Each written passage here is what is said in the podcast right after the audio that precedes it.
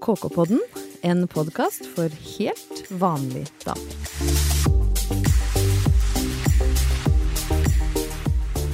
Da var det tid for podd igjen, og her sitter vi, Ingeborg Heldal, Malin Gaden og Hege Løvstad Toverud.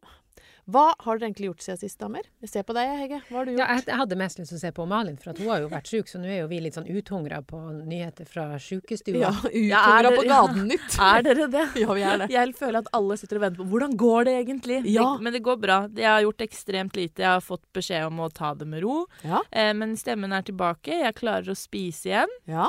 Jeg klarer ikke helt å åpne munnen ordentlig ennå. Det, Nei, der men diksjonen er på plass. Den er på plass. Ja. Eh, så, men greia er at jeg drar jo på ferie på lørdag. Du gjør det, vet du. Så jeg er veldig opptatt av at jeg er frisk til Du er frisk igjen. Ja. Hun, har, hun har roser i kinna, og det Mm. hvite i øyet er kvitt. Ja, Ja. Og det har mye å si. Godt å ha deg tilbake, Malin. Har du noe å berette, Hege? Har det vært en Nei, ingenting. Nei. Ingenting. Det er svært eh, begivenhetsløs uka. Ja. Men nå føler jeg at nå er vi i ferd med å slå ut i blomst denne uka her, da. Ja. Men det, vet jeg liker at du har uker som er helt på det jevne. For det gjør men det at du det klokker inn på allminneligheta som vi søker, eh, eller etterstreber å være en del av. Ja, på det jevne. Det viktigste jeg har gjort siden sist, hvis noen skulle lure på det, det er eh, å ta mammografi. Det har jeg gjort denne uka. Det gjør jeg Det er ikke noe dramatikk i det, men mor mi har hatt brystkreft. Det vil si at jeg eh, med jevne mellomrom går og sjekker meg. Bare Mm. sånn for å være på den, den sikre sida. Det gir meg eh, en slags ro i sjela. Har dere gjort noen gang? Eh, ja. Nei. Du har ikke? Nei? jeg, det var det jeg lurte på. Hva vil jevne mellomrom si for meg som Annethvert år Ja, har jeg gjort det nå. Ja. Fordi det, har, det er ikke noen indikasjoner på at det er noe, men jeg gjør det annethvert år. Mm. Syns du det er uh, greit, Hege? å Eh, det? det er jo en svært selsom opplevelse. Det er det. Eh, veldig. Det er Veldig. en veldig rar, nesten litt sånn middelalderskonstruksjon, Det føles det som. er det. Ja. Og dette her Mm. tenker jeg, det skal vi. Det skal vi dvele med. Ikke for å skremme deg Nei, men eh, fra å gjøre det, Malin, men vi Mm. må snakke litt om denne prosessen. Fordi mens jeg var der da, eh, denne uka, så begynte jeg å, å tenke på sjølve måten de gjør denne mammografiundersøkelsen på. Og jeg har ganske, ganske små pupper, da, men eh, det vesle jeg har, det blir da lagt som en liten kyllingfilet på den Ja, men det ser liksom sånn ut. Den blir klemt som en sånn liten hudfarga filet. Det, ikke, det kvalifiseres som bryst. Kyllingbryst. Kyllingbryst, ja. Ja. Det, ja, det er et Hallo. kyllingbryst som, uh, som blir lagt på den der plata eller røntgenmaskina. Og den ser egentlig litt ut som en slags sånn avansert toastjern, på en Mm. måte. Så der ligger da den eh, lille fileten der, så presser de Mm. toastjernet mer og mer sammen. Og da kommer den lyden sånn bzzz, bzzz. Mm. Og da klemmer de kyllingfileten, aka puppen, flatere Ja. og flatere. Og til slutt så er den så flat som en sånn Du vet hvis du skal lage svinesnittel, så banker du kjøttet helt flatt før du panerer det. Vi er Gi på dette varige men? Nei, Nei. de gjør ikke det. De bouncer tilbake til Gjør sin vante fasong, så de blir ikke som vafler. Men, men de, de må jo gjøre det da. To ganger på hvert bryst, så blir du i ulik Mm. vinkel da bizza ned i, til snitselnivå. Ja. Jeg vil jo ikke virke utakknemlig, fordi jeg syns jo i bunn og grunn det er At fantastisk det fins. at det finnes, Ja. At jeg kan gå inn der og få tatt røntgenbilde av puppene mine, og mens jeg er der, kan de si vet du hva, alt ser bra ut. Mm. Du kan gå hjem og leve livet ditt Ja. og trekke pusten i Ja. vårlufta og vite at alt er bra. Jeg er kjempetakknemlig for det. Mm. Men sånn der forebyggende sjekking, det er litt krevende. Eh, Og når du står da med den der snitselpuppen i den skvisen, så skal ikke ljuge, det gjør ganske vondt. Du blir jo så dradd forover, og Veldig. huden dras. Ja. Og så spør jo alltid ja, går det bra, og pust rolig. Ja. Og så prøver du å puste rolig, men så Puste som en sånn hivende liten kaninpust, for det gjør jo kjempevondt. Så Det går bra. Jeg, det, det går bra, det går bra. Og så mens jeg står der da, og snitsler meg opp og puster som en kanin, så begynte jeg å tenke, men hva hvis menn som skulle sjekke testiklene sine, Mm. hadde mått, måttet gå gjennom denne toastjern-lignende Ja. undersøkelsen. For da tror jeg fakta meg de hadde kommet opp med noe mindre krevende og smertefullt. For jeg kan ikke se for meg at en mann frivillig putter pungen inn i balletoastjernet og får de most zzz, zzz, zzz, til sånne flate små kamskjell. For da, ja, da ser jeg for meg at da hadde røntgenundersøkelsen vært at du la testiklene på en silkepute fylt av marabodun og kilte fram røntgenbildet. Ja, men seriøst, tror dere menn hadde akseptert balletoastjerne? Nei, jeg bare lurer litt på, fordi jeg har jo hørt at det å få en eh, ball i balla, for eksempel, da, Ball i balla. eh, det er noe av det verste. Ja. Eh, så jeg har litt på en måte lyst til å kjenne på det. Fordi det er ganske vondt å få en ball i puppen òg. Ja. Bare så det er klart. Men du, hver gang man sier det er sånn Å, det er ikke noe i forhold til å få en, eh, en midt i med testiklene, liksom. Så jeg lurer litt på hvordan det er. For hvis Smerteterskelmessig, ja, ja. hvis det Balle er, versus pupp. ja, for Ja. hvis det er en ekstrem forskjell, så skjønner jeg jo at du ikke har lyst til å klemme ja, Men det er ganske Jeg ser for meg at det er ganske vondt å få et toastjern. Puppen i et toastjern, Ja. liksom. Men Det hadde det det. vært Og mulig så må du her lempe den oppå Ja, du må det. Men jeg fikk plutselig tenk Du har jo en del gode kompiser. Vi har Ja. jo snakka om noen av de før. Kunne vi utfordra en av dine kompiser til altså pupp versus balle? I, kanskje ikke i toastjern, da, men, men, spalte. Nei, altså ja, men å teste det. Når begynner man å skrike, liksom? Jo, men balle kan vel ikke Man må jo ikke knuse på det. Ja, det er litt eh, Ja, sånn men man må være forsiktig. Ja. Marabufjæra. Ja, men det er, det er der det ligger, vet du. Man må jo være litt forsiktig med Men du mener at puppen tåler en trøkk? Ja, for Ja, de, de puppen, Pungen skal, skal kiles. puppen skal jo ikke akkurat Det er jo ikke masse liv i puppen, holdt jeg på å si. Nei, det er sant. Nei. Nei, greit. Vet du hva? Ingen av Malins kompiser trenger å bekymre seg for at de skal klemmes i toastjerne. Ja, vi vi får se, vi får se. eh, ja, jeg tror det var en dårlig idé. Ja. Men er det noen andre medisinske undersøkelser som vi damer må gjennom, som dere tenker at menn ikke hadde akseptert å bli utsatt for? Nei, altså eh, Jeg må bare nevne en undersøkelse som jeg har gjort, og den er litt sånn tverrkjønnelig, da, egentlig. Men, men jeg anbefaler den egentlig ikke. Nei? Eh, jeg hadde en sånn skulder som hadde kalk på ei sene. Ja? Ja, og dette skulle utredes. Jeg gikk til en spesialist som skulle finne ut hvordan vi kunne få bort den kalken uten å operere den ut. da. Ja. Ja, så han, han var full av optimisme, så tok han meg inn på kontoret og sa dette skal gå så fint, og vi skal bare ta denne veldig lange sprøyta her, og så skal vi bare stikke den inn i skulderen, så skal vi bare suge den kalken ut, for den har flytende form, så det skal gå fint. Eh, Uff, allerede her så føler jeg at ingenting av dette er noe som man skal feie under teppet og si 'dette går fint'. Nei, eh, nei, eh, så jeg satte meg der i stolen og tenkte at ja, men dette blir fint. Jeg vil jo ikke operere, så det går jo sikkert kjempefint å suge ut. Så, så han jobba seg fram med sprøyta og stakk den inn, og så begynte han Det skulle være undertrykk da, som skulle få denne kalken ut, da. Og så var han av den meddelsomme typen, han legen. Altså han, han fortalte veldig sånn ordrikt om hva som skjedde, og eventuelle hindringer som dukka opp under veien. Og det gjorde det jo, fordi at eh, da kom det jo frem at eh, ja, eh, det kan se ut som denne kalken har tatt en tannpastaaktig eh, konsistens. Så den begynner å bli litt trå å få ut gjennom sprøyta. Nei, fy. Og hvorpå jeg da kjente at jeg begynte å bli litt sånn smått svimmel, og, og Ja. tenkte kanskje jeg lurer på om jeg skal ta og bare legge meg litt på den benken her. Og jeg rakk det vel egentlig akkurat så vidt før tyngdekraften tok Det over. Da. gjorde så vondt at du svimte av. Ja. Rett og slett. Oh. Og bare det, det han sa også, når du får sånne indre bilder av Ja, tannpasta ut av skulderen i en sprøyte, og trykk, undertrykket begynner å bli litt for lavt til å få det ut, og litt sånn der.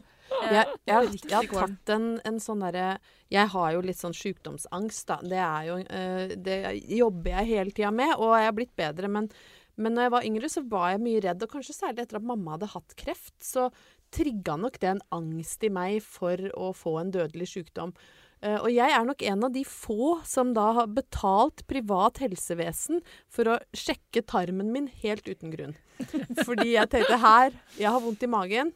Her er det kreft. Tykktarmskreft, ja. tynntarmskreft, sannsynligvis hele greia. Så jeg dro da og skulle få testa dette. Og det som jeg ikke visste, var jo at en sånn Hva heter det? Gastroskopi. Ja. Det er jo da et kamera opp i rumpa. Eh, og det gikk greit, det var ikke så smertefullt. Men for å få sett inni tarmen, så måtte de jo fylle hele meg med kontrastvæske. og det vil jeg si at jeg lå på en sånn vippbar benk og ble blåst opp som en ballong. Sant? Så, altså du får på en måte Du får sånn sykkelpumpe oppi rumpa, så blåser de opp tarmsystemet ditt for at det skal synes da om det er noen svulster der. Og så fyller de deg med kontrastvæske, Ja. og så er det en slags sånn ultralyd eller røntgenaktig greie. Men det jeg ikke hadde tatt høyde for, det var jo at denne kontrastvæska og lufta skal jo ut. Etter at du er ferdig. Etter at du har ligget og vippa på den benken. Så, Så når vi var ferdig, så gikk jeg med sånn kjortel, og så var det sånn Ja, da Nå kommer jo den kontrastveska ut, så da kan du gå inn på toalettet her. Og, og det var jo bare sånn avlukke, vet dere, med sånn store gliper opp fra gulvet. Og kan du tenke deg når hele magen din er fylt med luft som skal ut sammen med kontrastvæske? Jeg var jo som en levende prompepute. Og det var altså så utrolig belastende å sitte der mens den lufta skyter ut av meg sammen med kontrastveska Og, og prompelydene tretrinnsrakett. overdøver over hele legekontoret. Og etter å ha sittet der kanskje et kvarter, så sier de at nå, nå kan du gå, men for sikkerhets skyld så, så tar vi på deg en sånn voksenbleie. Fordi det kan lekke litt ut. Og jeg tar da trikken hjem fra eh, denne undersøkelsen med voksenbleie og lekker jo hele veien luft og kontrastvæske. Og at jeg ble menneske etter det, det, vet du, det er det flaueste. Men det var, jeg var frisk, da. Ja, det var Så jeg fikk, velsignelse. fikk sjekka det. Men Hege, du er jo ofte flink til å se bakover i tid og, og hente fram råd og tips fra våre eh, medsøstre. Ja. Du har jo både trukket fram Hva heter hun? Er, Henriette Schönberg Erken. Erkefru Enken. Erkefru Enken, ja. Nei, Henriette Schönberg Erken. Ja, og Florence Nightingale. Nightingale. Så jeg yes. tenkte jo at kanskje du da kunne titte litt i historien og gi oss noen råd om uh, Ja. ja. Det eh, vil jeg gjerne gjøre. Uh, Florence Nightingale har jo veldig mange gode råd, og i dag intet unntak. Uh, jeg å dra fram her et kapittel om en annen innretning som ramma kvinner og sykepleiere på midten av 1800-tallet. Eh, og som kvinner i dag heldigvis ikke trenger å forholde seg til. Kapitlet har overskrifta 'Brennende krinoliner'. Det er flaks hvis skjørtene hennes ikke tar fyr, og hvis sykepleiersken ikke omkommer sammen med pasienten, at hun ikke brennes til døde i underskjørtene. Jeg skulle ønske at Folkeregisteret kunne gi oss det nøyaktige antallet på hvor mange som har brent til døde på grunn av dette latterlige og gyselige klesplagget. Parentes 1868. På to år, fra 1863 til 1864, ble ikke mindre enn 630 kvinner i alle aldre brent til døde ved at klærne deres tok fyr. Dersom krinolinealderen begynner etter ti og fortsetter etterpå, vet vi at 277 liv har gått tapt av brann i løpet av to år, bare av denne absurde og gyselige moten. Vet du hva? Florence, ass. Ja, Hun satte skapet hun der det skulle stå. Hun satte skapet der det skulle stå. Og så fortsetter hun da at men hvis folk ønsker å være dumme, la dem, så la dem beskytte seg mot sin egen dumhet med tiltak som enhver kjemiker kjenner til, som å tilsette alum i stivelsen, som forhindrer at stivede klesplagg tar fyr. Vet du hva? Vi burde alle høre mer på Florence Nightingale. Ja. Det hun sier Ja. der, det er overførbart til så mange situasjoner i livet. Mm. Dumme folk må beskyttes mot seg sjøl. Og putte alum i stivelsen. Vi skal holde oss til tema kropp litt til. Det blir mye kropp i, KK-podden i dag. eh, Fordi uka eh, som gikk, så har det da pågått noe som mediene har døpt bloggkrig. Og midt i krigen så har faktisk en av KK sine egne bloggere stått. Hun heter Kristin Gjelsvik. eh, Style Connection. Og Malin, du, kan ikke du, de av lytterne som mot formodning ikke skulle ha fått med seg, i korte trekk, hva er bloggkrigen? Hva dreier det seg om? Yes, Det handler altså da om Sofie Elise Isaksen, som er ja, kanskje den største bloggeren vi har i Norge. Ja. Eh, hun har jo blogga og vært åpen om kosmetiske inngrep og operasjoner hun har gjort for å forstørre, forminske, fjerne eller hva det måtte være. Og hun har selv sagt at hun angrer på mye, men likevel så er hun ikke helt ferdig med å endre på ting. Eh, nylig la hun ut et innlegg hvor hun skrev om det å tatovere inn prikker eller streker eller hva det er. Ja, hun I hun hadde høyt hårfeste. Ja, Ja. I vikene og bak øret for å skape en illusjon av mer hår. Det fikk en annen topplogger, Kristin Gjelsvik, til å se rødt eller svart eller hva det måtte Ja, være. klikka litt. Ja, rett og slett. Hun fikk ut all sin frustrasjon i en video hun publiserte etter eh, hårtatoveringsinnlegget, og i snakkende stund så har den fått nesten 500 000 views på YouTube. Oh, det er mye. Hun beskriver bl.a. Sofie Elise som Norges farligste forbilde. Yes, det var bra. Det var, eh, det var litt sånn eh, Dagsnytt 18-nivå på beskrivelsen av krigen. Og som om da dette ikke var nok, så hadde da D2, som er da magasinet til eh, DN, eh, viet eh, sitt magasin med forside til akkurat den nevnte Sophie Elise. Sittende i en slags sånn squat-positur, hvor det ser ut som hun ikke har truse, med noen høyhælte støvler eh, og strekkmerker på låret. Og de har da via nummeret til eh, kroppspositivisme. Eh, Det var vel kanskje for eh, D2-Hege den verst tenkelige timingen? Ja, altså når man så den eh, saken i D2, så var det jo ikke mye kroppspositivisme å spore i betydningen lev godt med deg sjæl uansett hvordan du ser ut. Eh, for de som sto fram i denne saken, hadde jo rimelig marginale utfordringer, hvis man ser på snittet av den brede befolkning, kanskje. Vi snakker om eh, noen duse strekkmerker, som du var innom her, på en ellers plettfri rumpe. Vi snakker om en, en enslig kvise på et kinn, en kvise som kanskje ikke engang var grønn. Eh, og vi snakker om en par temmelig eh, normale pupper som man gjerne ser dem etter fylte 30, eller at man har fått barn som nok ikke klassifiserte til hengepupper i nevneverdig grad. Så sannhetsbeviset for min del ble kanskje temmelig ikke så positivt da. Men hva legger dere i begrepet kroppspositivisme? Malin, hva tenker du på når vi sier det? Vi kan, kroppspositivisme, vi kan uttale ordet. Ja.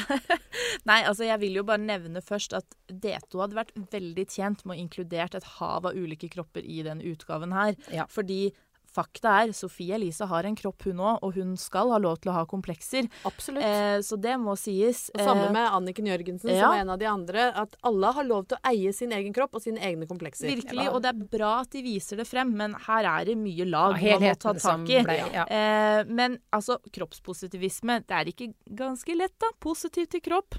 Omfavn det du har. Ja. Ja, Spre positivitet til at vi er forskjellige. ja så enkelt. Så enkelt er det. Ja, og så fryktelig vanskelig, eh, tydeligvis, da. Mm. Men Hege, du har ei datter. Du er den eneste som har eh, datter av oss. Eh, blir du bekymra når du tenker på hvilke forbilder det er der ute som dattera di kanskje henter impulser fra, når du ikke veit om det? Altså, jeg har på en måte trua på at ungdommen i dag er på vei til et eh, litt dypere sted, som er heves over både høye viker og dype brystkløfter. Altså, jeg tror de bekymrer seg om andre ting enn det.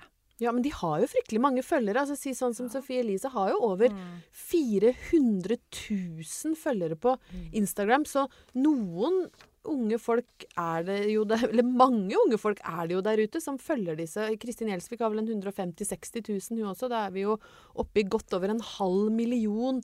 Og flesteparten av de jenter. Ja, også, De har jo påvirkningskraft. Ja, for det som er at ordet influenser, det har bare blitt et diffust ord. Det er bare noe man kaller seg, men det betyr innflytelse.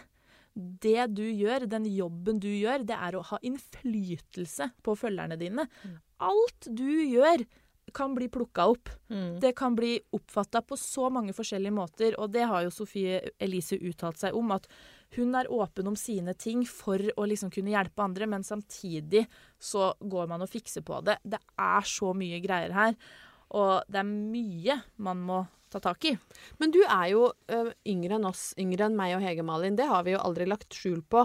Eh, Du er jo mer en del av denne generasjonen som, som har vokst opp med at blogg og så senere influensere er en stor del da, av de sosiale sfærene som, som de yngre opererer i på nett. Hvilke influensere har du fulgt, eller følger du? Og hvorfor?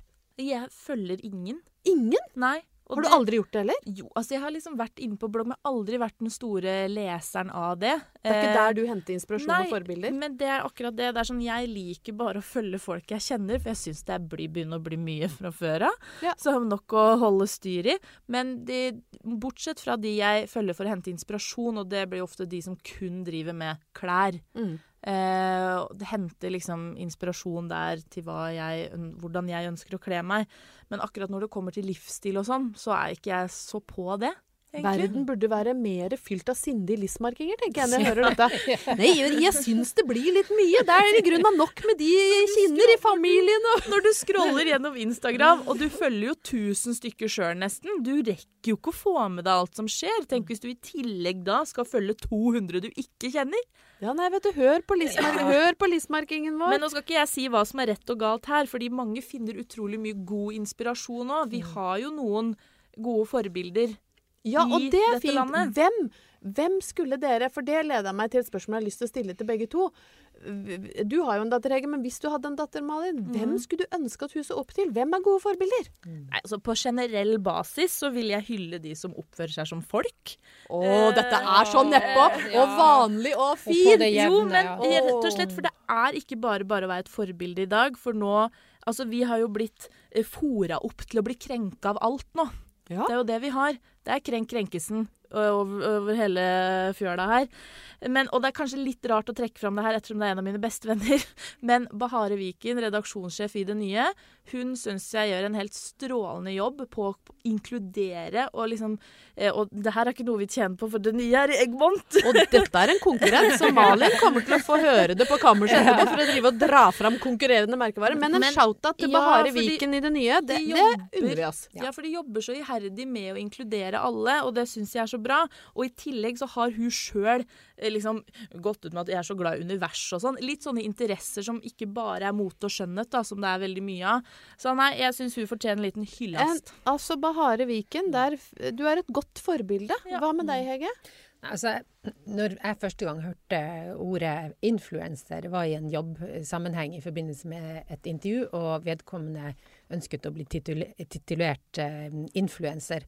Og det var så i den spede begynnelse her at jeg satt og klødde meg i hodet og tenkte vi kan jo ikke kalle henne det, det er jo ingen som kommer til å skjønne noe. Ja, men skal vi oversette det da? Påvirker skal, skal Altså Ja, Det- for det er jo det- ikke et godt norsk ord. Det er det ikke. Nei, det, det lå ikke godt i munnen. Så vi ble faktisk sittende her og, og gruble svært over dette her. Hva, hva i alle dager skal vi gjøre? Men det endte nå opp med at vedkommende ble kalt influenser. Og nå når man ser tilbake, så har det jo virkelig skylda over oss. Men var vedkommende et godt forbilde som du vil trekke fram? Eh, vedkommende eh, ikke i min sfære, fordi at det, det Ja. Men hvem er det i din sfære, da? Nei, altså, jeg, når jeg har skjønt hva en influenser er, så kan jo det være Jeg var på et seminar, hva er en influenser? Vi ble spurt ja, kan vi rekke opp hånda, alle som følger en influenser? Og ingen rakk opp hånda. Og så spurte han foredragsholderen ja, er det noen som følger med på matblogg? Og da var det kanskje en tredjedel som rakk opp hånda. Ja, og da var det liksom ja, Trines matblogg, hun er jo en influenser, og det var det ingen som hadde tenkt på. Nei. Så hvis man begynner å tenke hva Ja, det er jo faktisk alle Men, det, som men er altså, forbilder kan jo være langt utafor det vi Nå må jeg bli som Fredrik Ja. Solvang. Ja. Hege Løvstad Toverud, svar på spørsmålet. Ja, Nevn et godt forbilde. Ja, nevn et godt forbilde. Er det Trines matblogg du vil trekke fram her? Hun har sjukt mye Du bra. er helt rå! Altså, Trines matblogg er helt rå. alle ja. indisk ja, ja, hun kan gjerne få en shout-out i Ja.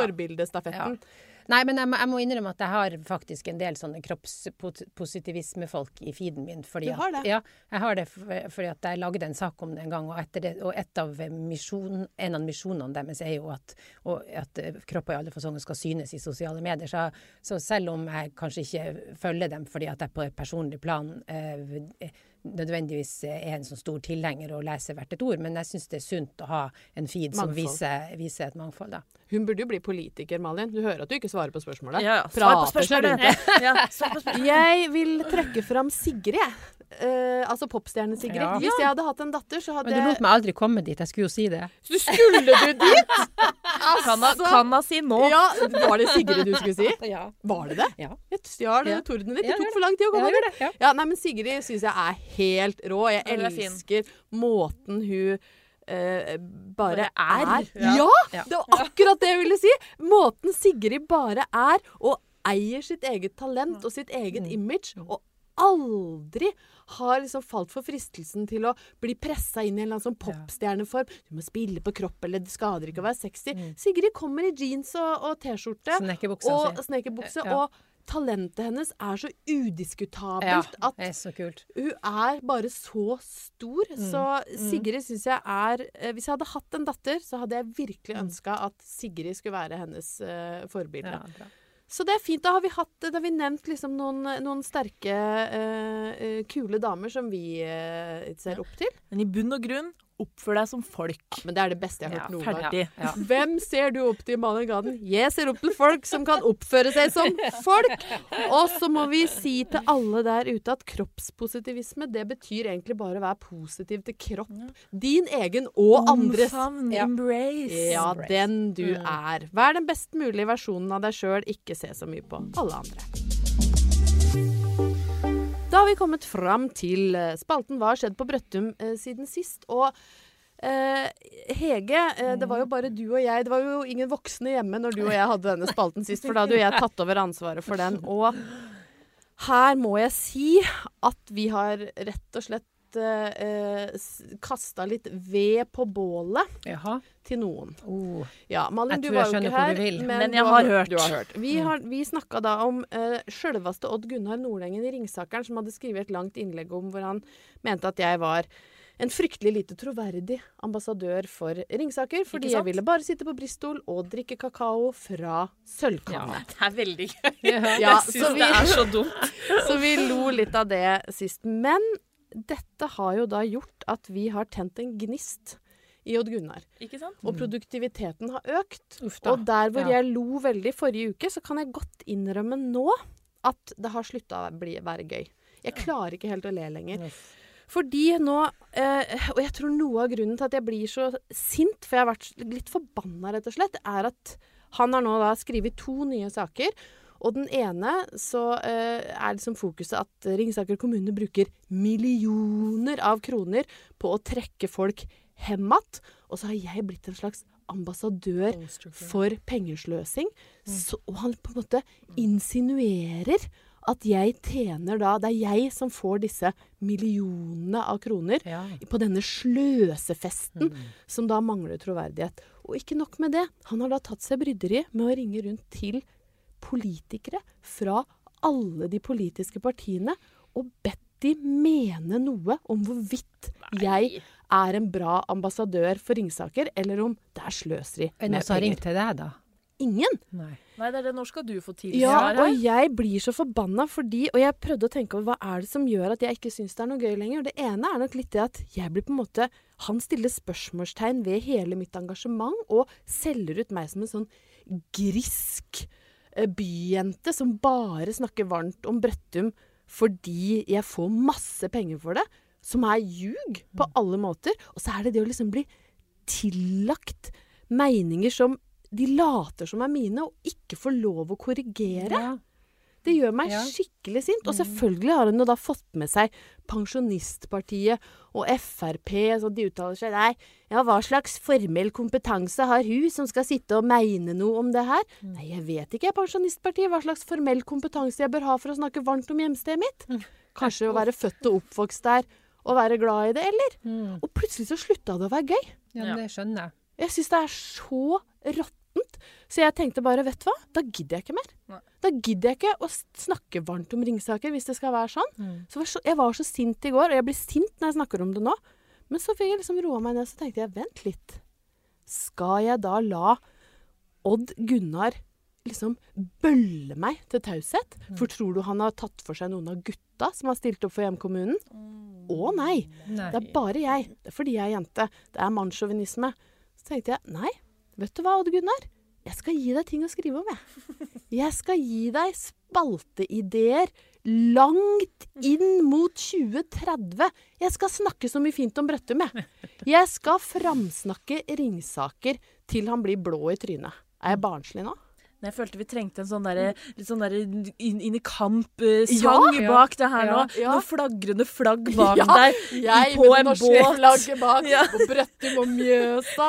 På skibladner mot Ja, men jeg aksepterer faktisk ikke sånne bøller som han. Ja, men det skal du ikke heller. Nei, jeg skal ikke det. Nå har, vi, nå har du sagt det. Altså, nok er nok, liksom. nok. Og hvis han vil fortsette med det, greit. Men Ja. du er ferdig, og du fortsetter å være en kul dame. Vi skal elske Brøttum, vi skal elske Ringsaker, men Odd Gunnar Nordengen, du er nevnt i denne podden for siste gang. Er det noe mer gøy vi heller kan ta opp? Malin, du har vært på Birken. Hvordan var det? Ja, det var så koselig. Var det så så fint ut? Koselig på Birken. Ja, det er koselig på Birken. Ja. Ja. Du slipper jo å gå, da. Det er jo én ting. Men eh, nei, vet du hva, vi har en liten tradisjon om å eh, dra på Sjusjøen. Det er jo ikke langt unna der jeg er fra. Eh, en gjeng fra Brøttum, Lismarka, og de lager jo Altså, folk er oppå der tidlig. Graver fram sitteplass, har med anlegg, har med drikke, mat, god stemning, snacks til de som går på ski. Så vi står i løypa og deler ut Seigmen og Stratos og Jegermeister hvis de vil ha. Det er gjerne den siste pulja. De er litt Ja, de lyst på som en liten sånn. litt lengre tid. Ja. Ja. Eh, nei, så det var, det var utrolig koselig. Jeg måtte selvsagt ha det litt med ro, da, for jeg har jo ikke vært sånn helt 100. Men uansett, sykt hyggelig. Det er vinterens vakreste Ja, altså det var strålende sol dagen etterpå. Lava det jo ned med snø, så Litt sånn. Kollen-stemning, bort, Ja. ut, bortsett fra fylla. Ja, Ja. ja, ja. Du veit vi kan holde på likøren oppover i traktene. Vi blir ikke så dritings. Klarer å oppføre oss som ja, folk. Vi kan oppføre oss som folk sjøl om vi får Jegermeister. Og det er vel en fin måte å avslutte Ja. ukas Ja. eh, pod om eh, kroppspositivisme og eh, tilhørende. Oppfør deg som folk sjøl om du får Jegermeister. Så høres vi i, i neste uke. Eh, alle må ha det riktig så bra så lenge og nyte sola hvis den er der hvor du er. Ha det. Ha det.